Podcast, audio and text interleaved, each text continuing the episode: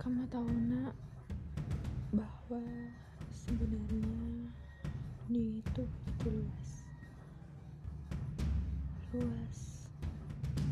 Namun terkadang dunia itu sangat kecil.